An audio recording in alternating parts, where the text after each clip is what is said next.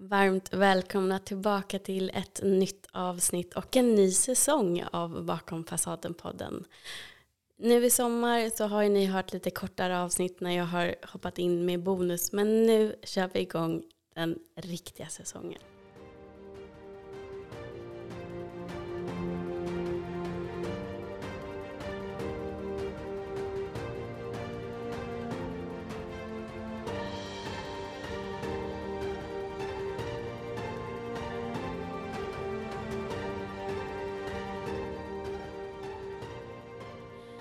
Idag ska vi prata om ett ämne som vi har touchat vid tidigare.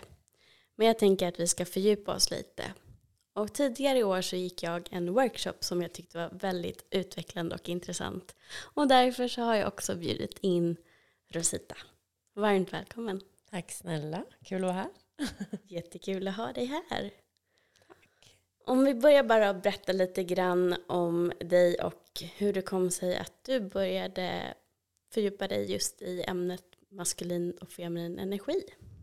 Ja, um, jag tror att det började ehm, under en period under 2018 när jag var i en relation um, där jag kände att jag ständigt var den som projektledde allting. Eh, det var en person som hade mycket utmaningar själv i sin egen hälsa och eh, Um, hela min livsstil var liksom väldigt um, göra, göra, göra. Uh, jag vaknade upp, jag tänkte på jobbet det första jag gjorde när jag vaknade. Och uh, det kändes som att livet gick i ett. Jag fyllde livet med uh, utbildningar på helgerna och jag hade svårt att vara ensam. Och när folk pratade om liksom, magkänsla och intuition eller um, ja, men, ta beslut, hur känns det i magen, så, där, så, så visste inte jag riktigt vad de pratade om. Jag tyckte att det var eh, extremt luddigt. Mm. Och eh, när folk beskrev liksom så här, ah, men jag är en kreativ människa och jag definierade inte mig själv med någonting av det där. Jag tyckte att nej, men jag är bra på sport, jag är bra på att liksom uppnå mål och eh, som sagt i min relation då så eh, är jag som den som liksom fixar saker och ting. Jag roddar med grejer, jag eh, kollar upp restauranger, jag tittar igenom menyn för den här personen hade mycket så allergier och sånt där. Och eh, jag tror att jag kom till en punkt där jag kände att jag Alltså jag lever i en svartvit värld. Men jag bara är. Det, det är jättekonstigt att liksom sätta fingret på. Men jag bara är och eh, det finns liksom inget djup. Mm. Det finns ingen gör, alltså så här, vad vill jag? Jag fick liksom inga svar. Det kändes som att jag bara hängde med på någon på livet. Alltså, det var mm. inte ur mitt egna initiativ eller det här så kallade intuitionen eller magkänslan. Um, så jag var nog ganska avstängd. Och min värld var nog ganska svartvit. Och um, jag tror att Um, ja, men då under 2018 då var jag på Bali och det är många som, som kommer ur den resan eh, och har upptäckt massa saker. Och det gjorde ju jag såklart också. Uh, jag var på liksom yoga, jag mediterade där och uh, det var ju, jag var ju en sporttjej så för mig var ju egentligen det ingenting för mig så inom situationstecken. Men um, under en meditation så kom jag på mig själv att ligga och gråta. Mm. Och känna känslor och bara så här, det var något som eh, bara skyllde över mig. Och jag fick alltså, ett svar. Jag, det var så här, ni behöver göra slut. Nu är det liksom över. Mm. Um, och det var första gången jag fick ett svar på det sättet. Och där jag kände att någonting kändes så rätt i magen, alltså i kroppen. Mm. Eh, och som sagt, eh, vi ska ju prata om femininitet och maskulinitet så vi kommer väl in på det. Men, men det är ju ett tecken på att jag hela tiden har agerat utifrån mitt maskulina, utifrån logiken, utifrån hur saker och ting borde vara. Eller eh, ja, men ganska fyrkantigt. Mm. Och nu kom det feminina in och bara så här, okej okay, men det börjar kännas saker. Det börjar liksom krypa i kroppen kroppen, det börjar, magkänslan och liksom hjärna, hjärta, eh, mage börjar kommunicera och det började bubbla upp saker. Mm. Så att vi skulle göra slut var en av de sakerna. Och sen var det också vissa liksom, sexuella eh, känslor som började komma upp som hade varit bedövade under många, eh, många år, ska jag inte säga, men ett par år. Um, så jag tror att det var en kombination, det var någonting som hände där 2018. Uh, mm. eh, och vi gjorde slut och det var liksom på bådas initiativ. Och ehm, ja, därefter började liksom den, den riktiga resan då. Och det var väl där jag började fördjupa mig inom feminina och maskulina energier. För att jag insåg att, att det är inte bara den här enstaka händelsen i den här relationen, utan jag har levt mitt liv utifrån en maskulin sköld. Mm. Och allt jag har gjort i mitt liv har varit utifrån mina maskulina energier. Och jag, mina feminina eh, liksom egenskaper och alla energierna inom mig är väldigt sårade. Så där finns det någonting att upptäcka. Där finns det någonting att utforska vidare. Mm. Så det var väl så, tror jag. Ja, det, jag, jag känner att jag, jag känner igen mig och är övertygad om att det är väldigt många kvinnor som kommer känna igen sig just i det där. För att jag upplever att vi har blivit formade väldigt mycket på det sättet i samhället de senaste årtiondena. Just att vi ska försöka vara så mycket jämlika som möjligt men att det har blivit en missuppfattning lite grann vad jämlikhet, jämlikhet är för någonting. Att i grunden ska handla om att vi uppenbart är lika värda men att vi även börjar agera som de som vi har upplevt som det könet som liksom, jag vet inte, ska jag kalla det starkare eller liksom ändå har blivit upphöjd. Ehm, istället för att komplettera varandra just med våra olikheter. Och jag tror att det, det jag tolkar som hände för dig i Bali det är liksom att du helt plötsligt började känna Mm. och utgå från att du känner saker istället för att du tänker saker och agerar utifrån tänkandet. Exakt. Gud, jag blir lite rörd nu för att du sätter, så, alltså, du sätter verkligen ord på det. Det var verkligen det som hände. Ja. Och det, det blir ju en jättestor omvälvande känsla när man inte är van vid det. Och att Verkligen. bara få känna också acceptans. För jag vet inte om du känner igen dig i min version av det som när jag var med om liknande saker. Det var ju dels att jag gick in i en utmattnings, i utmattningssyndrom fick jag diagnostiserat. Och då märkte jag också att jag liksom bara drev framåt och pushade mig själv och gick över mina egna gränser. Och sen var det som att det var så förlösande men samtidigt väldigt sårbart och sorgligt på något sätt att få acceptera att det är okej att utgå mycket från känslan. Och då vet jag att jag grät väldigt, väldigt mycket. För att det var så här, oj det är okej eller kommer, kommer jag ses som svag Ja, nu? precis. Och jag vill bara lägga till där, för du beskriver det så himla väl, att ja, men, vi föds, vi växer upp och under ja, men, många, många år nu så har ju den maskulina energin varit den socialt accepterade. Så här, vi, vi ska liksom studera så fort som möjligt efter, efter vi har tagit studenten, vi ska ta en fast anställning, vi ska liksom eh, klättra i karriärstegen, Ja. vi definierar oss med våra titlar, det är liksom eh, villa, Volvo, alltså det är Exakt. det som är liksom socialt ehm, accepterat i samhället. Det är det vi ser upp till. Vi frågar alltid vad folk jobbar med. Ehm, vi är väldigt, väldigt drivna av att uppnå mål. Och samhället stöttar ju det här hela tiden. Och jag har ju fått höra hela mitt liv så här, wow du är så grym som tränar så mycket och du är så jäkla cool som är instruktör och jobbar heltid och wow du är 24 år och du är enhetschef inom LSS. Bara, wow, alltså så här, jag är ju socionom i grunden, det Mm. kanske jag kan lägga till. Men så här, Absolut, det är jättehäftigt. Men samtidigt så har vi de här feminina egenskaperna som ses som svagheter. Just sårbarhet, att lyssna på kroppen, att sitta inne och göra ingenting. Alltså, jag vet ju själv under många år, det är jättesvårt att bara liksom titta på en film och känna att det, det var okej. Jag var så här, jag slösar tid nu. Mm. Alltså, och också så här, läsa bok. Fann ingen ro. När jag mediterade de första liksom, tio gångerna, jag såg så konstiga saker framför mig. Det var så här, baguette flyger förbi. nu är jag, alltså det var så sjukt. För att mitt, min, min kropp och mitt sinne kunde inte ta emot det där. För att jag var ständigt i så här fight and flight. Som enhetschef vaknade upp på morgonen, det första jag gjorde var att kolla min mail. Sätta på jobbmobilen och bara okej, nu har vi APT, eh, jag måste skriva ut de här papperna när jag kommer till jobbet. Sen har vi den här avvikelsen som har hänt, så jag måste ringa den här föräldern. Och sen så har vi den medarbetaren. Alltså, så här, nervsystemet är redan liksom i 210. Och vad händer då när jag hoppar på tunnelbanan, byter eh, tunnelbana i T-centralen och kommer fram till jobbet och är typ utbränd, alltså bara innan innan 8.00. Liksom. Och det är där, eh, som vi säkert kommer komma in på sen, men där man behöver veta om de här energierna. Mm. För även om jag kanske då är illa tvungen att åka igenom T-centralen till jobbet, så här, men hur kan jag vara i min feminina energi mm.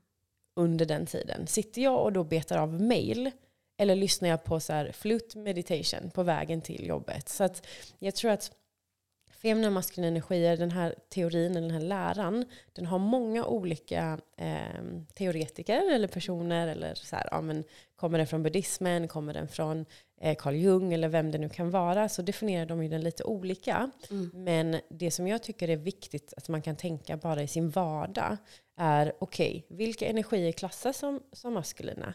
Vilka klassas som feminina? När känner jag att jag är mycket mer i att göra, i logiken, i liksom projektledaren kontra när är jag mer i kroppen, i känslan, i så här, okej, okay, men vad känns bra för mig? Vad är kul? Vad är, what do I desire? What is pleasure? Alltså det är ju mer feminina energier. Exakt. Så där tror jag att man bara kan liksom eh, för det första fråga sig själv här och nu. Så här, okay, men hur ser min vardag ut? Från att jag vaknar tills att jag går och lägger mig. Är det göra, göra, göra, kötta, kötta, kötta? Mm. För att jag själv kanske inte känner att det är okej okay att ta in feminina saker. Mm. Eller tillåter jag mig själv att faktiskt få vara i båda beroende på vad som känns bäst och vad jag faktiskt behöver. Ja, för att som Mattias och jag i tidigare avsnittet också pratade om var ju att det handlar inte om att man bara är i feminin energi till exempel om man är kvinna. Mm. Utan vi alla har båda. Men sen har man en primär energi. Precis. Och sen har du också lärt mig att man kan också vara neutral. Ja, det kan man. Det kan man absolut. Och jag tror att um, det finns ju liksom feminina och maskulina energier, läran kopplat till så här, ens vardag och så.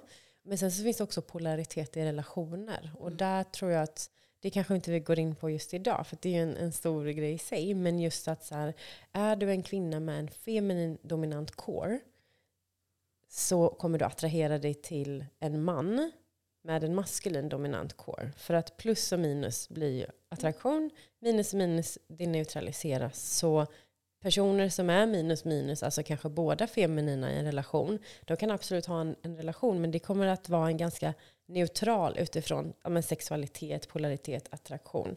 Så att eh, där är det också en viktig grej att om vi kopplar tillbaka till det som jag sa i början, att om jag då hade levt i min maskulina energi i den här skölden under så många år, då är det inte konstigt att jag hade en partner som var i sin feminina, mm. som förväntade sig att jag skulle leda hela tiden. Eh, och när jag då började jobba med min feminina maskulina eh, energier och började nysta i den här skölden. Så här, okay, men varför har jag den här skölden? Vad är det jag har skyddat mig själv ifrån? Varför eh, har jag så svårt för det feminina? Jo, för att det är så mycket som varit sårat där. Mm. Eh, och när jag då börjar bearbeta de här sakerna och öva på att vara i båda mina energier, lägger in mer feminint i min vardag, men plötsligt så har jag nu en partner som som är mycket mer i sin maskulina. Och där jag får bli ledd. Mm. Där jag får bli omhändertagen.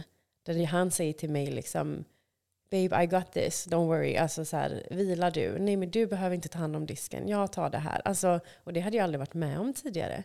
Så där har jag också fått chansen att öva, öva, öva på att så okej, okay, men nu är det en lucka för mig. Mm. Och verkligen, alltså receiving, ta emot, är ju en feminin energi. Mm. Att öva på att verkligen utan någon form av skuld eller så här, åh jag borde göra det eller det där. Bara få liksom ja, kliva tillbaka och, och, vara i det och uppskatta det och förstå att ja, men jag behöver vara i båda de här energierna. Mm. Och det gäller ju ens partner också om det är av motsatta könet eller om det är en maskulin figur. Att ja, men bjud in den personen också till att vara i sin feminina energi kom och lägg dig här på soffan så vill jag pilla dig i håret. Eller så här, jag har eh, bokat en restaurang för oss. Alltså omhänderta varandra. Mm. Växeldra. Växeldra hela mm. tiden. Det är så viktigt. Men då gäller det ju att båda kan vara. Då gäller det ju att han kan ta emot. Mm. Och det gäller att jag kan ta emot när han är i sin maskulina. Så att eh, man behöver ju öva på att både kunna vara i de båda energierna. Absolut. Mm. Och jag tycker det är jätteviktigt att du också påtalar det för att jag hade jättesvårt att lära mig att ta emot. Och jag kommer ihåg att min eh, terapeut när jag gick på psykosyntesterapi, hon gjorde en så talande övning bara för att visa mig hur svårt jag har att ta emot och, och även ta för mig Mm. på vissa sätt. Att vi stod och liksom växeldrog i en kudde. Och bara det, bara så här. Ja men du ska ta tillbaka den. Ja men jag, jag kommer ju göra illa dig då. Ja. Nej, det gör inte illa mig. Jo, alltså jag hade jättesvårt liksom att bara dra den ifrån henne. Och i sådana fall fick jag gå in i fight mode. Mm. Och det vill jag inte heller. Jag vill bara kunna ta den för att hon, liksom varsågod ta den. Mm. Alltså det var så ögonöppnande för Ja. mig. Och just det här med receiving och ta emot har jag jobbat så mycket med Mm. senaste året. Att bara lära sig när någon säger, ja men jag skjutsar dig. Ja. Nej men jag kan gå, Nej, det är lugnt. Och istället bara, åh vad, vad snällt, Ja, tack. ja, och bara Och bara känna hur det fyller upp en med Mm. liksom, åh gud jag blir eh, omhändertagen här eller Ja. åh någon, någon eh, ja, men visar omsorg och typ så här, ja, men jag, exakt samma för mig. Jag har övat så mycket senaste åren på att kunna ta emot. Och det är superjobbigt i början. Och en sån enkel sak som att nu kanske ja, det kan ju, lite som vi har pratat om innan med kulturella skillnader i Mm. Sverige kontra andra länder. Med att är man utbjuden på en dejt, eh, i alla fall i andra länder, så, så tycker jag, eller brukar vara så att den personen som bjuder ut på dejt betalar. Mm. I Sverige är det lite mer så, 50-50. Jag tycker det Ja, det är ett, helt, ja. ett helt annat poddavsnitt Ja. tror jag. Jag, jag Nej går igång på det. allt Jag jag. går igång på det där så mycket. Ja men det är jag också. För att jag tycker, jag förstår inte. Det är fortfarande så till exempel om man ska göra enkelt sätt och det här Mm. snor jag faktiskt från Mattias. Mm. Eh, när vi har suttit och pratat om det rent privat. Mm. I de flesta fallen så tjänar mannen mer. Ja. Och han ska liksom i många kulturer också vara försörjaren Mm. i familjen. Så varför ska inte han få betala? Det är inte så att han eller jag själv behöver nödvändigtvis tänka så att jag inte kan betala för det. Nej, Det är klart jag kan. Precis som att jag kan sätta upp en gardinstång själv. Precis. Men jag har ingen lust att göra det. Nej. Som, om han tycker att det är kul, varför ska jag inte Mm. låta honom göra det? Jag exakt. förstår inte problemet riktigt. Exakt. Och där blir jag lite triggad av att det är så här, det är så många som säger de ska inte tro att jag inte kan själv. Jag vet att du kan själv. Mm. Lilla jag kan också, sa Mm. också det när jag var fem år. Jag kan själv. Men då är det nog egot, Och då jag. är det ju precis att man förstår inte riktigt vad det är i sig själv som reagerar där. Alltså det är också ett, ett sätt att kunna ta emot. Att liksom bara, och jag vet att rent fysiskt när jag umgås med män som är väldigt mycket i sin maskulina essens Mm. så känner jag att jag kan slappna av. Mm. Det är så himla skönt att bara ja, nej men jag Ja, jag sitter och jag kan bara vara. Mm. Och då hamnar jag naturligt i min feminina essens. Mm. Och det har absolut ingenting att göra med att den ena är högre än den andra. Det är ingen hierarki. Det är bara att vi samexisterar i liksom rätt, våra sanna essenser som gör att vi kan slappna av. Och för att lägga till det, att, och den här hierarkin, att så här, nej, den maskulina får ju energi av alltså våran så nurturing Mm. energi. Och den maskalinas, alltså en av deras liksom purpose är ju att ta hand om. Så i de här egenskaperna i det maskulina ehm, så mår ju den personen bra av att provida, alltså bjuda Mm. ut på dejt och betala. Och för mig är det så här, det skulle inte spela någon roll om jag tjänade mer än den personen som tar ut mig på en dejt. Jag tycker att det är attraktivt. Mm. Jag tycker om känslan av att men jag vill ta hand om dig. Bara att så här, en man säger ehm, ja, men jag tar hand om det här. Alltså, Mm. oroa dig inte eller så här, luta dig tillbaks. Jag har detta. Mm. Alltså, jag tycker att det är så attraktivt. Mm. För att då kan jag bara släppa alla tusentals tankar som går igenom mitt huvud. Mm. Uh, uh, Okej, vad ska jag kolla på kvittot? Okej, hur mycket ska jag swisha? Alltså, vet, hela den här hysterin. Jag bara, nej, det, nej. Mm. Nej men jag förstår Vad du menar. Men sen så har ju både du och jag erfarenhet också av att vara tillsammans med och dejta män i andra kulturer. Mm. Och jag upplevde att de åren jag bodde i USA, där det är mycket mer traditionellt så att mannen är i sin maskulina Mm. och tar hand om. Och på gott och ont, de är inte lika jämställda heller. Men jag upplevde att jag föll in i det feminina samtidigt som att jag kunde liksom ha mycket killkompisar utan att det var någon sexuell dragning där. Alltså Mm. det, det blev liksom för mig det perfekta samspelet Ja. oss i- emellan. Min, eh, alltså av någon anledning så dejtade jag killar så mycket som var från södern och de är verkligen sådär. Jag fick inte öppna min dörr själv liksom. Eller, så här, de sprang och öppnade min dörr på bilen Mm. först, jag fick sätta mig, sen sprang de runt och öppnade Mm. sin egna.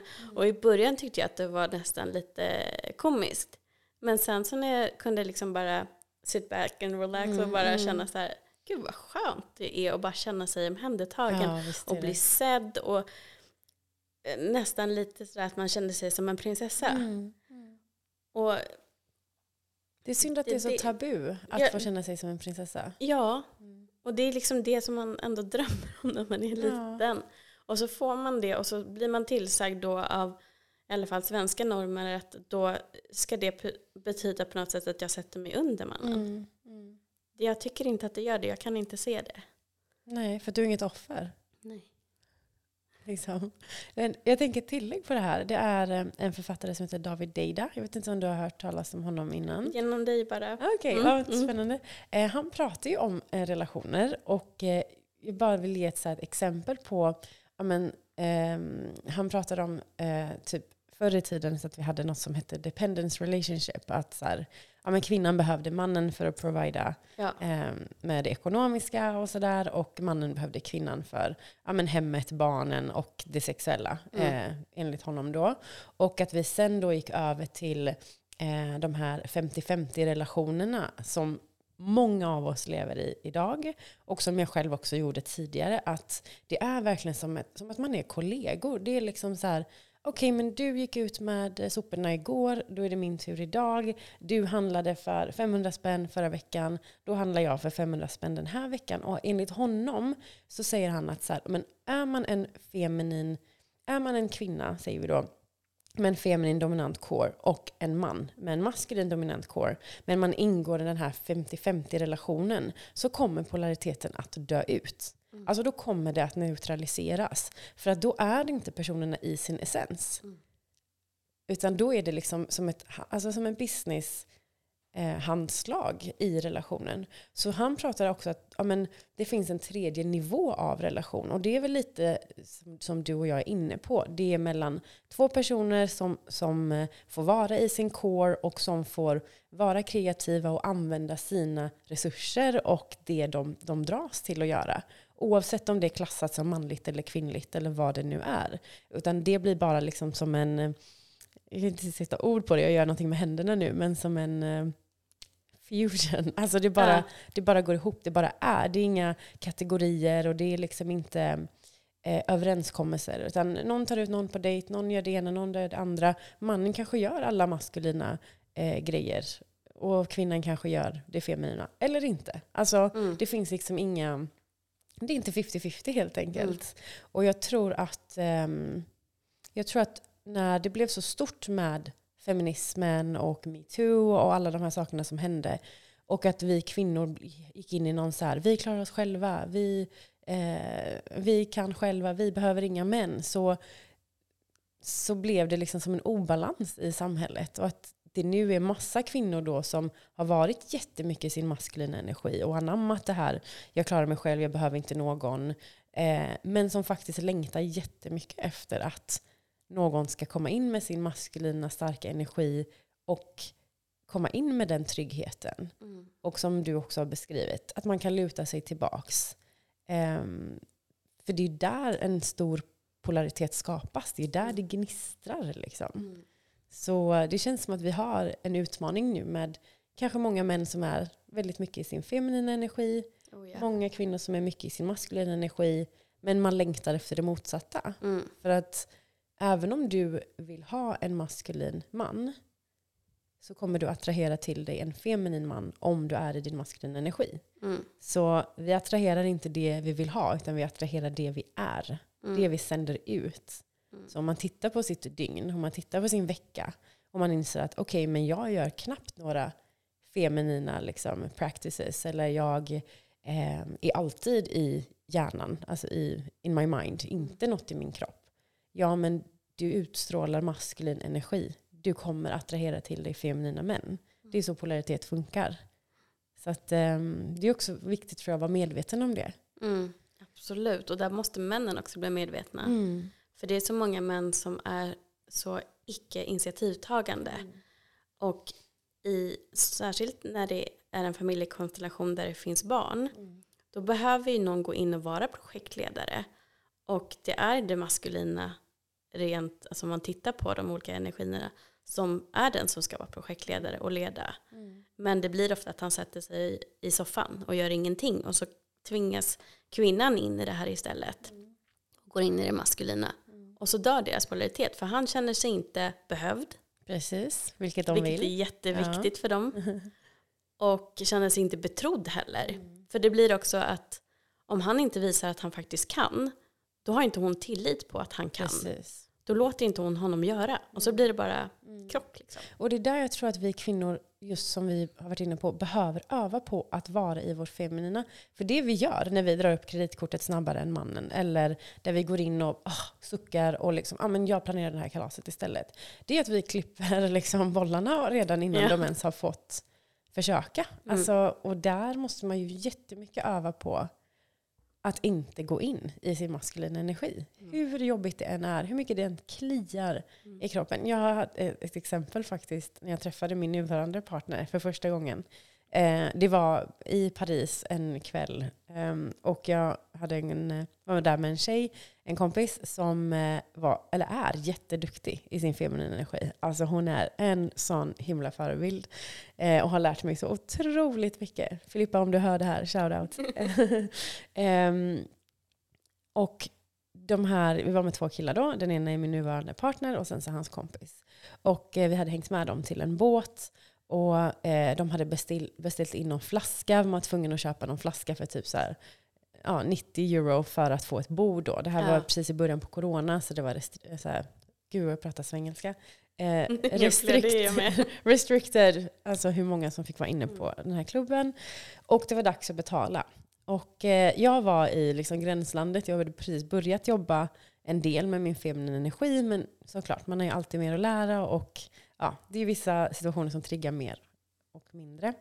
Så eh, då var det dags att betala då. Och jag kommer ihåg att Filippa, hon fick liksom hålla, hon fick liksom stirra mig i ögonen och nästan, alltså jag, jag, jag är säker på att hon hade liksom, alltså nypt mig om jag hade dragit fram mitt kort. Hon var så här, du rör inte på dig, du tar inte fram ett kort. Nu, de här, alltså så här, de här grabbarna, de vet att det är de som ska betala. Mm. Det är så här, de har tagit oss hit, det är de som betalar, det här är fransmän, de har det i sin kultur. Liksom. Eh, sitt still. Och det var så, jag hade så mycket ångest och jag gick in och dömde mig själv. Jag tänkte så här, nu kommer de tänka att jag är egoistisk, nu kommer de tänka att jag eh, förvänta mig saker, nu kommer jag stå i skuld. Alltså alla mina gamla sår bara gick igång i ett, liksom en virvelvind. Och jag bara dömde, dömde, dömde och jag satt och jag bara Filippa, jag, måste, alltså, jag blev nästan illamående. Jag var så här, nej men jag måste ju säga någonting. Så här, ah, guys, do you want us to split? Eller typ, mm. ja men någonting. Man måste ju ändå lägga en kommentar. Och sen vänta, kan, kan man ju vänta på att han då säger nej men det är lugnt, vi har det här. Ah, Okej, okay, skönt. Men hon var så här, du håller tyst, du sitter still, du skulle bara våga röra ett finger. Liksom. Och jag, alltså jag, jag mådde så, det där är nog ett av mina starkaste, mest jobbiga minnen. När jag fick lugnt och sansat försöka andas och öva på att vara i min feminina energi. Och bara så här, vänta. Mm. Om de säger, tjejer kan ni liksom betala eller vad de nu gör okej, okay, då kan jag liksom, ja men självklart. Men eh, det var ett jätte, jätte, jättestort test för mig och en av mina, liksom, ja men när jag gick, tog mig igenom den situationen så tänkte jag att okej, okay, men jag kommer nog inte vara i någon värre, mer ångestladdad situation i alla fall. Eh, så jag kommer inte ens ihåg varför jag berättade det där. Men, Nej, ja. men det, jag tror det är otroligt många som känner, jag känner igen det också. Mm, det är så jobbigt. Som just när man också blir medveten om att man är dålig på att ta emot mm. och just vill lära sig och leva mer i det feminina om man känner att det är ens sanna essens. Det är inte så att det har varit självklart för mig jämt att mannen ska bjuda till exempel, även om jag har önskat det. Mm. För jag har också fått de där skuldkänslorna mm. som du har fått. Och jag har fått liksom mm, bita mig i tungan. och jag vet att när jag kom först till USA så var det också så här, ja ah, okej, okay, men kan vi kompromissa så jag i alla fall får betala var fjärde gång. Mm. Och då kändes det bra för då kändes det inte som att jag bara liksom drog nytta av honom eller utnyttjade mm. honom på något sätt. Eh, sen vet jag också att det är många som säger i Sverige i alla fall att om man tackar ja till en drink på krogen till exempel då vet man att det förväntas av en, att då har man på något sätt sagt ja till att man ska gå hem med den personen. Mm. Och så var det verkligen inte i USA. Där var det så här, man kunde stå och bara prata med någon som en vän dessutom, att de inte ens raggade på en, utan man bara sitter och snackar för kul och de säger vill du ha någonting att dricka? Mm. Och sen kan man bara, ja ah, men kul att snacka, ha det så bra och så gick de. Mm. Alltså det var, det var verkligen inte de intentionerna så det blev så inrutat i mitt huvud att det, det finns inga förväntningar, det här är bara trevligt och det är någonting de gör. Mm. Eh, så att när jag kom tillbaka till Sverige, jag vet att det verkligen blev en kulturkrock mm. för mig. Mm. Dels kommer jag ihåg att när jag gick ut på krogen att det var ingen som släppte fram mig till baren om jag stod i kö utan alla ställde sig framför och jag är ungefär ja, men lite drygt 1,60 det är inte så att man ser någonting om hur länge man ställer sig framför heller. Och jag blev så chockad och jag vet att jag också hamnade liksom i verbala diskussioner liksom, och bråk. Mm. Just för jag förstod inte hur de inte kunde hålla upp dörren, hur man kunde få en dörrsmäll i ansiktet och folk, män trängde sig på bussen framför en. Och, mm. så, för jag var så himla bortskämd av att just den här lilla, prinsessan, liksom, ja, att de släpper precis. fram en och de låter den göra och sådär. Um, så att jag tyckte att det var så självklart på något mm. sätt. Och då hade jag liksom hamnat så naturligt i att låta mig bli omhändertagen. Mm. Och sen plötsligt så fick man just, alltså bildligt talat och ja. Liksom bokstavligen en dörr rakt i ansiktet. Men vad tror vi att det beror på då? Alltså kan det ha något att göra med att vi, utifrån mina personliga erfarenheter, att man har accepterat eh, beteenden när man har växt upp. Och sen, alltså, om jag säger så här. Eh, när jag växte upp och var i relationer eller om jag träffade liksom, killar och sådär så, så har jag ju gjort saker som jag absolut inte skulle göra idag. Alltså jag har ju accepterat beteenden, jag har liksom eh, inte haft, ställt några krav för att jag har sett på mitt egna självvärde så lågt. Alltså jag har inte älskat mig själv på samma sätt som jag gör idag. Jag har inte eh, känt att jag är värd kungen, utan jag har gått för ja, men mm. pojk, liksom, ja, pojkarna. Mm. Mm. Eh, för att jag själv såg mig inte så högt upp. Idag när jag har gjort allt det här jobbet och jag älskar mig själv och jag liksom dagligen eh, övar på att älska mig själv och liksom, eh, ja, se mitt värde så har jag också höga standards. Mm. Och jag tror att när jag växte upp så hade jag ganska låga standard för att jag trodde, ja, men så här, min självbild var ganska skev. Mm. Um, så det, det som jag bara så tar upp, så här, har, vi, har vi kvinnor accepterat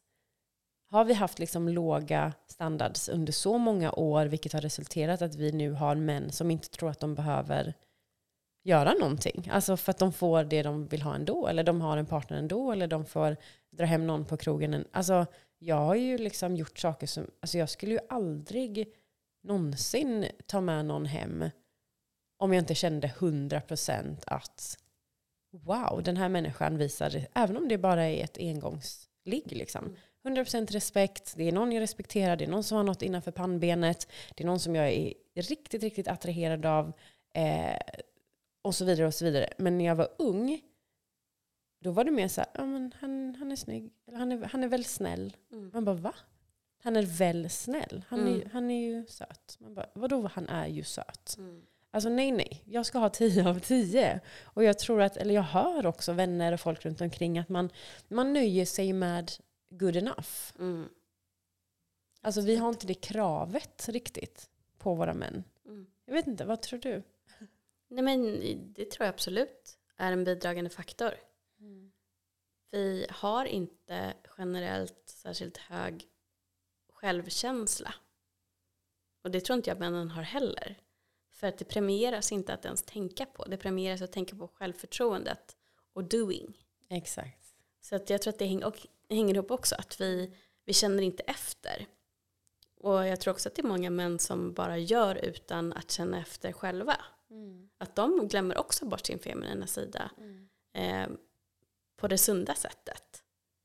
De hamnar i passivitet, Mm. i en sårad feminism Mm. sida. Men att de inte heller kan ta emot det. Jag tror bara att det, vi har missförstått så himla mycket hela idén om hur ska vi agera gentemot varandra.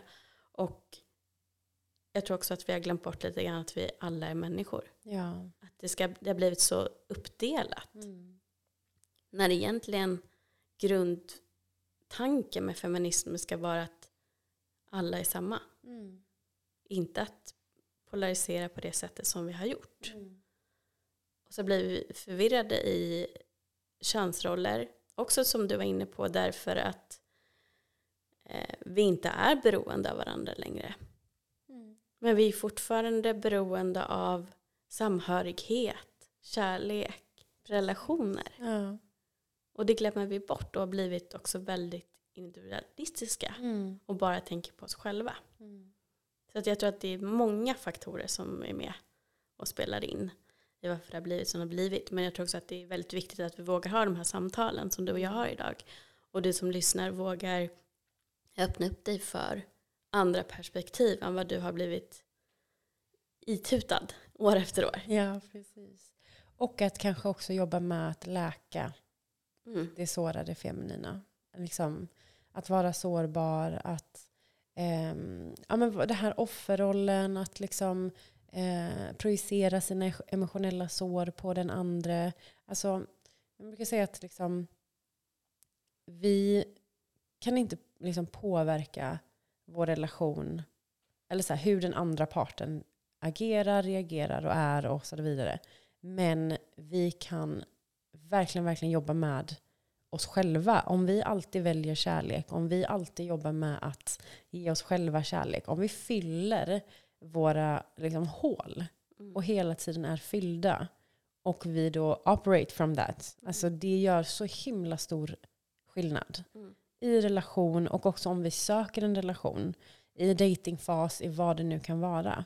För att om vi ständigt går och ligger på ett minus inom oss, vi vill ha någon som fyller ett hål, vi vill ha någon som liksom, ja men så här, jag vill ha en pojkvän för att eh, någon ska köpa blommor till mig. Mm. Men om det är så viktigt, köp blommor till dig själv. Alltså du behöver, sen förstår jag att man vill ha uppskattning från sin partner, men det jag menar är att om man hela tiden eh, är i bristvara, eller man är i brist till någonting, Mm. så kommer det inte bli bra. För du kommer hela tiden att då bli triggad av din partner när inte partnern gör det som du förväntar dig eller det som du känner att du behöver. Men det finns så mycket, mycket, mycket, mycket att hämta i att ge sig själv det man behöver först. Mm. För att sen vara i en relation. Och att inte ha de här förväntningarna. Mm. Mm. Jo, men det tycker jag är lite sorgligt för både män och kvinnor jag pratar med genom podden uttrycker ofta att de inte har koll på sina egna behov. Och jag tänker att det kan vara jättebra ställe att börja på. Att bara känna efter vad är jag behöver. Hur kan jag möta mina behov? Och sen om det är ett behov som man känner så att jag kan inte möta det här till 100% för det kanske har att göra med samhörighet. Mm. Vad kan jag ändå göra för att få det från någon annan? Det är fortfarande du själv som agerar utifrån dina sår. Mm. Ehm, så det tycker jag ändå är någonstans som det är viktigt att Mm. börja. Men jag tänker också det här när vi beskriver det, det sårade maskulina, sårade feminina. Skulle du kunna förklara lite mer hur man kan se de två olika?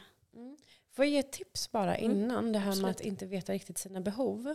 Jag tror att, ja, men, jag förstår grejen och jag har själv varit där. Och jag tror att för att förstå sina behov så behöver man eh, gå på det som man känner sig dragen till. Alltså så här, åh, jag blev nyfiken på det här ämnet. Ja, men börja läsa mer om det ämnet. Eller oj, jag känner mig dragen till, eh, till de där människorna. Okej, men umgås mer med de människorna. Se vad de har att lära dig. Så att man kanske inte alltid vet exakt så här, ja, men det här är mina behov i en relation. Eller eh, det här är mina behov i min person, alltså den jag är och i min vardag. Men av att bara liksom ja, jag vet inte mina behov. Alltså de, de kommer inte bara komma. Nej. Utan gå på det som du känner dig dragen till. Mm. Och en till sak är att så här, man brukar säga att vi får inte insikter i vår maskulina energi. Vi får oftast de här insikterna när vi är i vår feminina energi. Så då kanske du behöver mer bara vara. Du kanske behöver spendera mer tid till dig själv. Du kanske behöver köpa en anteckningsbok och bara så här, skriv det som kommer till dig. Mm. Vi behöver skapa förutsättningarna för oss. Liksom. Ja, bra Mm. tips. Det är sant. Känna Ja. efter och bara se vad det är som kommer. Exakt. Mm. Exakt. Ehm, ja, men, alltså det sårade feminina, det sårade maskulina. Vi kan säga några attribut. Eh, för de sårade feminina, eh, osäkerhet, beroendeställning, skam, dåligt samvete, känna sig ovärdig, manipulativ, needy, man har svag gränssättningsförmåga, eh, man går in liksom i offerrollen, eh, oärlig och people pleasing. Mm. Och sen för det maskulina, det är när man övergör, övertänker, man kan vara kontrollerande, aggressiv, kränkande, känslokall, självisk och dömande. Och jag tror att alltså de flesta av oss har ju ett sårat maskulint, feminint eller båda. Mm. För att jag menar, vi kan ju nog ärligt säga att här, det finns, eller jag vet inga föräldrar som har varit perfekta. Eller det går ju Nej, typ inte. inte. Nej. Och det som jag tror var viktigt att så här, ja men, wounded, alltså sårat, eller ett trauma. Eh, I min värld förr i tiden så lät det som, som en himla stor grej. Att så här, oj, kan jag säga att jag har ett trauma?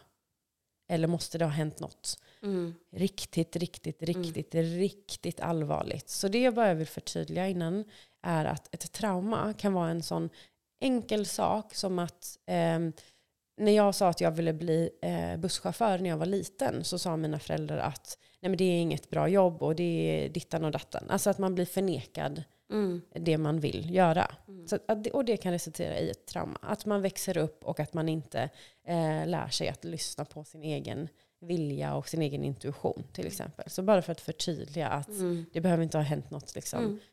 super, super stort. Utan vi alla går och bär på mindre och större trauman. Eh, som är ett resultat av att vi fick inte alla våra behov mät- mätta. Mm. Mätta, heter det så? Mätta. Mätta, Mm. mätta, mötta eh, när vi växte upp. Exakt. Och samhället påverkar också. Och alla erfarenheter, kompisrelationer, om man har varit utsatt för mobbing eller om man har haft destruktiva eh, relationer också. Så att allt det ger ju något form av trauma. Ehm, och det resulterar ju i att man har ett gäng egenskaper. Eh, både i sin maskulina och sin feminina. Och ehm, jag tror att alla de här sakerna jag läste upp är faktiskt saker som jag själv känner igen. Mm, eh, med. mig själv. Ja, men som sagt, osäkerhet, man känner skam, eh, svårt att sätta gränser, ehm, people pleasing.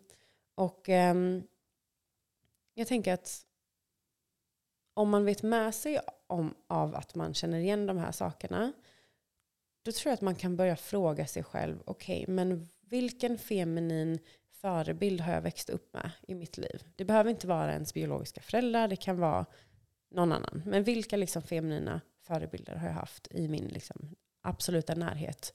Och vilka av de här egenskaperna känner jag igen Mm. i den personen? Kan det vara så att man växte upp och drog sig ifrån de här egenskaperna? Kan det vara så att de här egenskaperna idag är saker som man har anammat? Mm. För det som våra närmaste anhöriga gör är ju att projicera sina sår på oss. Tills att vi kan se de här såren, förstå vart de kommer ifrån, acceptera dem, ge oss själva kärlek, för det är helt okej, vi alla har sår. Och lär oss att handskas med dem. Mm. Mm. Ja, men det går ju. För jag kommer ihåg också på workshopen så visade du eh, slides Ja. på olika. Och jag kände igen eh, allihopa att jag hade varit i det sårade feminina men också mycket i det sårade maskulina. Mm. Men till min glädje så såg jag också att jag hade mycket av det läkta idag. Mm. Och det har inte varit medvetet att jag har gått in för att jobba just på det sättet. Men när man jobbar med sig själv och läker sina sår så kommer det mycket på köpet. Man får det Verkligen. med sig för att det hänger ihop så mycket. Verkligen. Mm. Så är det. Så det är ju viktigt. Men jag tycker också att det har varit otroligt intressant och jag kommer ju såklart länka till din Instagram i, i beskrivningen för det är jag alltid med sådär för att jag vill ju att alla ska hitta till det som jag hittat som har gett mig någonting. Det vill jag dela med mig till lyssnarna. Men det är verkligen så intressant att förstå genom också att se så som du skriver sådana saker. Mm. För att det blir så lätt att ta in på det sättet. Mm. Um, och jag tänker också att det som vi också sa lite grann i början och det som vi har sagt tidigare också att det är viktigt att förstå att det, det kommer inte vara så att det är ultimat att du hela tiden agerar utifrån det feminina om du säger, känner att du är en kvinna med feminin primär mm. essens. Mm. Utan vi alla behöver gå in i det maskulina ibland och det feminina ibland oavsett liksom, mm. vår könsidentitet och sådana mm. saker. Mm. Det hänger inte ihop på det sättet. Men just att vi får läka det som är sårat. Precis.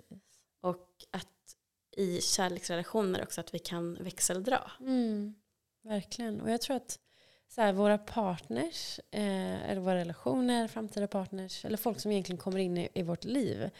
Jag brukar alltid se det som att så här, oavsett vem som kommer in i ditt liv så gör de det för en anledning av att lära dig någonting. Vilket du kan, du kan alltid lära dig någonting i en relation. Oavsett om, om det är lite sarka, eller så, komiskt handlar om att du upptäckte nya restauranger yeah. eller ja, vad det nu kan vara så, så lär du dig alltid någonting. Och jag tror att om det är en person som är i ditt liv just nu där du känner att du är kanske i din wounded masculine genom att så här, eh, du är kontrollerande eller du är kränkande eller känslokall. Eller om du är din wounded fem, feminina, att du är osäker eller um, ja, men oärlig, vad det nu kan vara, så kan man ju verkligen öva på mm. de här situationerna. Och när man då hamnar i det, när man säger okej okay, men nu var jag oärlig, eller nu, ja vad det nu kan vara, så fråga dig själv, men vart kommer det här ifrån? Varför mm. kom jag in i det här nu? Vad är det som har triggat mig? Och använd då den här relationen till att öva på det där. Jag tror att det är superviktigt att man förstår att förändring händer här och nu. Det är inte en kurs jag går om tre månader, utan här och nu i nuet när jag sitter med den här personen, eller den här situationen, eller nu när jag går in i det här eh, jobbmötet, jag ska öva på att sätta gränser idag. Alltså, man kan hela tiden i nuet öva på de här sakerna. Mm. Och så fort vi börjar ta beslut, vi börjar göra saker utifrån självkärlek, utifrån att vi vill vidare, utifrån att vi vill lära oss saker, så kommer vi få ett momentum. Vi kommer, alltså när vi känner hur bra det känns att välja sig själv, hur bra det känns mm. att liksom sätta gränser, att eh, lyssna på sin magkänsla, alla de här grejerna, eh, så kommer det generera mer och mer och mer och mer. Mm. För när du väl börjar välja dig själv, när du väl börjar ta beslut som är i din sanning, Alltså det finns ingen, och du, du, kommer känna direkt när någonting inte är, det kommer inte kännas bra. Alltså hela kroppen kommer säga nej. Mm. Det kommer liksom, du kommer bli stel, du kommer få ont. Du kommer, alltså, och då kommer du också förstå att okej, okay, men nu har jag gått emot mig själv. Jag har gått emot min egen sanning. Och har man då övat upp tillräckligt mycket självkärlek till sig själv så kommer man också um, förstå att så här, det är mycket lättare att välja sig själv då. Mm. För att du älskar dig själv så mycket. Ditt pris är så högt. Ditt pris på din hälsa är så himla högt. Mm. Så jag tror att hela den här liksom, feminina maskulina energier, relationer, eh, det grundar ju sig i självkärlek till sig själv. Och att leva i sin sanning. Och att lyssna på sina behov. Och att inte döma sig själv. Att så här, nej du behöver inte passa in i någon kategori vad du har blivit uppfostrad till att göra och tycka och tänka. Det är dags att vi liksom äger våra sanningar. Det är dags att vi accepterar vilka vi är, hur vi känner, vad vi är bra på, vad vi är mindre bra på, vad vi längtar efter, vad vi inte längtar efter, hur vi vill ha det. Och sen så börjar vi jobba mot det. Mm. För det är vi värda. Alltså bara att vi lever och är i det här, alltså på den här planeten just precis här och nu så, så är vi värda att ha ett, alltså förlåt, men ett riktigt bra jävla liv. Ja, vi behöver inte göra någonting för att förtjäna det. Nej. Bara att du är, så mm. är du värd det där. Absolut. Mm. Jättebra sagt. jag gick igång nu. Jag fick knappt på applåderna nu. Ja, gud, ja. ja. Nej men otroligt viktigt. Jättebra att du tar upp det. Jag tänker avslutningsvis lite grann just hur man kan tänka, lite tips. Om man känner så här, ja men det här, det här passar mig, jag skulle verkligen vilja attrahera in en man, för det är mestadels kvinnor som lyssnar, Mm. eh, som är i det maskulina. Mm. Vad skulle du säga är någonting man kan titta på redan, om vi nu tar, ofta så är det ju så att man ändå börjar prata på något sätt på sociala medier. Mm. För jag tänker, någonting som kommer till mig spontant som du, jag tänker att du kan fylla på med sen, Mm. är just det här med initiativtagande. Om, en man, om man märker att det är väldigt mycket jag som driver fram konversationen, Mm. då är ju jag som kvinna i sådana fall i mitt maskulina och om det är man då som aldrig tar initiativ till att börja prata till exempel, Mm. eller att föreslå en dejt, Mm. då kanske man kan tänka att det här är inte det jag söker. Mm. Precis. Eh, jag är inte helt säker på om jag fattar din fråga rätt. Men Men jag tänker just, ja, men om, om du utgår från hur du gjorde när du träffade din, nu har ni varit tillsammans några år, mm. men, ja, men, men då hur du tänkte i och med att det blev så mycket bättre polaritet. Mm. Vad man kan titta efter som egenskaper och beteenden hos Mm. en man när man söker en maskulin man. Jag tror eh, två saker. Eh, först och främst så tror jag att du behöver börja med jobbet, alltså med dig själv. Mm. Eh, som vi har varit inne på. Jag tror att man behöver kartlägga sin tillvaro. Alltså så här, okej, vilka hus, eller vilka rum i mitt hus är jag inne i? Är jag inne i det spirituella? Är jag inne i det mentala? Är jag inne i det fysiska? Är jag inne i det emotionella? Se till att du är inne i alla dina hus. Mm. I ditt, eh, gud, alla dina rum i ditt hus. Mm. Sorry. Eh, du är inne i alla rummen i huset. Märker du att så här, men gud, jag är aldrig inne i det eh, emotionella rummet. Jag är bara inne i det mentala och fysiska. Ja, då är det väldigt mycket din maskulina energi. Mm. Eller hur? Så se till att du är inne i alla rummen i huset. Det är en sak. En annan sak är kartlägg din dag. Är du i din maskulina energi hela, hela tiden? Du leder på jobbet, det är möten efter möten, du springer från ena till andra. Eh, du, så fort du har slutat jobbet då springer du och tränar något som är högintensivt. Nu pratar jag om mig själv eh, på den tiden. Ja, men eh, till exempel, eh, börja lägga in feminina, alltså feminine practices. Att bara vara, att röra på kroppen, alltså som i en, att dansa, att göra en meditation, att kanske yoga, att ha en promenad, att vara i naturen, ehm, att andas djupt. Vi, vi är så, många av oss kan inte ens andas, alltså vi är så vana vid att dra in magen. Alltså, Mm. under så många år. Vi andas ju inte ens hela vägen. Börja andas djupt. Börja slappna av. Alltså, det är ett exempel. Ehm, därefter, när du övar på att vara i din feminina energi, så kommer du kunna attrahera till dig maskulina män. Så att, för att om du inte ens är i din feminina energi, då kommer de här maskulina männen inte tycka att du är någonting för dem. Mm. Eh, så är det. Mm. Så att, eh, jag tror att man behöver börja där. Sen när du väl träffar eh, män, varningsflaggorna, lyssna på varningsflaggorna. Om du känner att någonting inte är rätt. Linda inte in det med att han är snäll och han är, han är ju söt. Och han, Mm. Alltså så här, nej, du är värd 10 av 10. Och träffar du någon och de inte tickar alla dina boxar, då är det tack och adjö. Alltså, ligg inte, stå inte kvar med halva foten där och bara jo men han och hi, Nej, du ska inte ha ett, liksom ett potenti, en potentiell kung. Du ska ha kungen. Mm. Så det, det är liksom han du söker. Så gå inte in i den här alltså potentialen, utan när han har gjort jobbet, när han eh, anammar allt som är viktigt för dig, ja men då kan ni dejta. Och för att veta de här sakerna, jag gjorde en jättebra övning för några år sedan. Eh, det här var för tre år sedan tror jag. Jag gjorde en lista på min drömman. Mm. Alltså på en sån detaljerad nivå. På så här, hår på armarna eller inte. Alltså det var Mm. på en sån nivå. Eh, och då visste jag ju, det här är mina boxar. De här värderingarna ska han ha. Det här ska vara viktigt för honom. Och sen menar jag inte att man ska vara så fyrkantig, självklart. Men jag tror att är man en, en kvinna som ofta går på potentialen och Mm. blir besviken sen, eller det var visst inte det jag ville ha. Eh, då kan det vara jättebra för sin egen stöttning att våga stå i sina beslut. Mm. Att ha sitt facit på något sätt, för, för trygghetens skull. Ehm, så ja, det är eh, lite av de tipsen jag kom på nu. Var det något mer du tänkte på?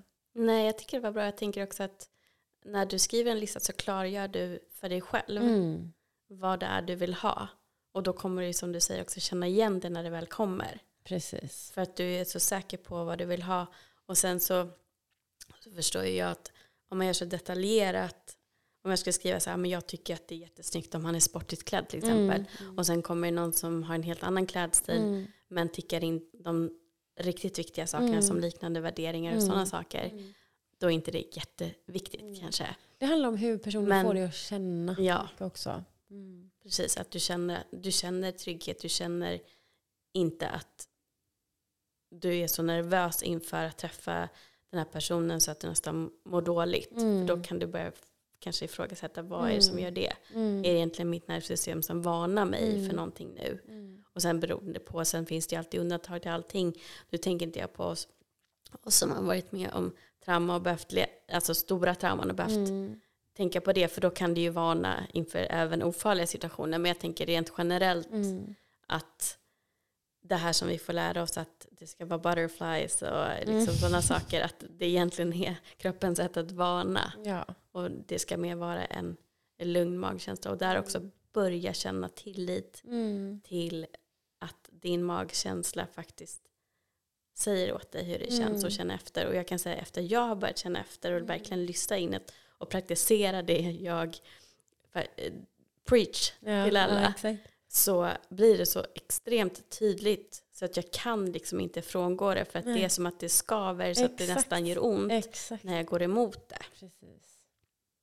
Så det är en stor rekommendation att börja Mm. på sådana saker också. Tänka efter och känna efter. Mm. Verkligen. Och bara så här för att lägga till det som vi pratade om lite förut. Att om du, har, om du är i brist, alltså if you are in lack, om, Mm. du, om du är i brist och du träffar en person som du känner kan fylla hålet, Mm. då blir det sällan långsiktigt bra. Mm. Så det är också en sak. Jobba med dig själv, jobba med din självkärlek, jobba med dina feminina maskulina energier. Lär, eller liksom, eh, läk det sårade feminina och det maskulina. Titta på ditt behov som individ. Vad behöver du för att må bäst, för att leva ett fantastiskt liv Mm. i helhet? Och därifrån plocka in en partner. Mm. Det, det är nog mitt bästa, bästa tips. Liksom. Absolut. Mm. För att det är inte din partners uppgift att möta alla dina behov. De det är kan inte bara i sagorna. Det. är inte Mm. realistiskt. För vi fungerar inte så som människor. Och det som en relation kräver ändå jobb. det. Du kommer ändå behöva kompromissa. Mm. Gör det Alltid. inte svårare än vad det behöver vara. Mm. Genom att gå in i en relation med någon som inte passar dig. Eller som du inte har lärt känna ordentligt. Bara för att du känner att det är så viktigt att ha någon. För då kommer du Precis. bli bitter till slut. Mm. Och det är som Rosita säger, du är värd det allra bästa. Mm. Så som du är. Det, är- det Verkligen. är enda skälet. Verkligen. Och en, en så här varningssignal är att så här, om du vill förändra saker på den här personen. Ja men eh, han har ful klädstil. Eller ja nej men han eh, spelar för mycket dataspel. Eller vad det nu kan vara. Och du har massa saker som du vill ändra på. Eh, då anser jag att man inte respekterar personen. Eller älskar personen för den den är. Så vill du, märker du att du vill ändra massa saker på personen. Då skulle jag säga att, att det är inte rätt för dig. Alltså förr eller senare så kommer det utkristalliseras och eh, påverka relationen. Mm. Och där tror jag att om man fokuserar på vad man vill ändra hos någon annan är det därför att man blundar för vad man behöver ändra hos sig själv. Jajamän. Spegeln, den berömda spegeln. Exakt. Livet alltså hörni. Det finns så mycket att jobba på hela tiden. Ja, precis. Ja. Men jag tycker att vi har fått med väldigt mycket viktigt och även saker som jag kan förstå om det provocerar. Mm. Men jag hoppas att ni tar det på rätt sätt och tar till er det och lyssnar flera gånger. Eh, är det så att man vill ta kontakt med dig, var når man dig lättast? Eh, lättast på Instagram. Mm. Rosita med Z, Kyan, K-Y-A-N. Jag antar att du kommer Ja, skriva det. precis. Och eh, där finns det väldigt mycket bra information på den Mm. sidan, så följ. Kommer det komma fler workshops också? Det kommer komma fler workshops, det kommer komma kurser. Eh, en av kurserna som kommer komma är How to set boundaries och även eh, kring relationer till sig själv och till andra. Och då kommer vi såklart komma in på femininitet, maskulinitet, eh, väldigt mycket av det vi har pratat om idag. Eh, så jag håller på att skriva de här kurserna just nu. Så både workshops, kurser, eh, one-on-ones, ehm, massor på gång. Mm. Eh, men känner man exakt här och nu att men gud, jag behöver detta nu så får man självklart höra av sig. Eh, jag jobbar ju såklart med det här lite grann vid sidan av innan jag har lanserat kurserna mm. också. Mm. Så det är bara att höra av sig. Jättekul. Mm. Och jag ska absolut investera i att gå de här kurserna. Ja, roligt. Det får du gärna göra. Ja. ja. Tack så jättemycket för att du har varit här idag. Tack själv. Det har varit en ära. Det har varit en ära att ha dig här och jag känner verkligen att jag har fått energi av dig. Ja, men detsamma. Och eh, att jag tycker det är ett otroligt intressant ämne att prata om. Mm, jag håller med. Så jag hoppas att vi även har gett samma till dig som lyssnar och eh, att du kan ta till dig det som vi har sagt. Som vanligt så vill jag ju säga till dig tills vi hörs igen, ta hand om dig.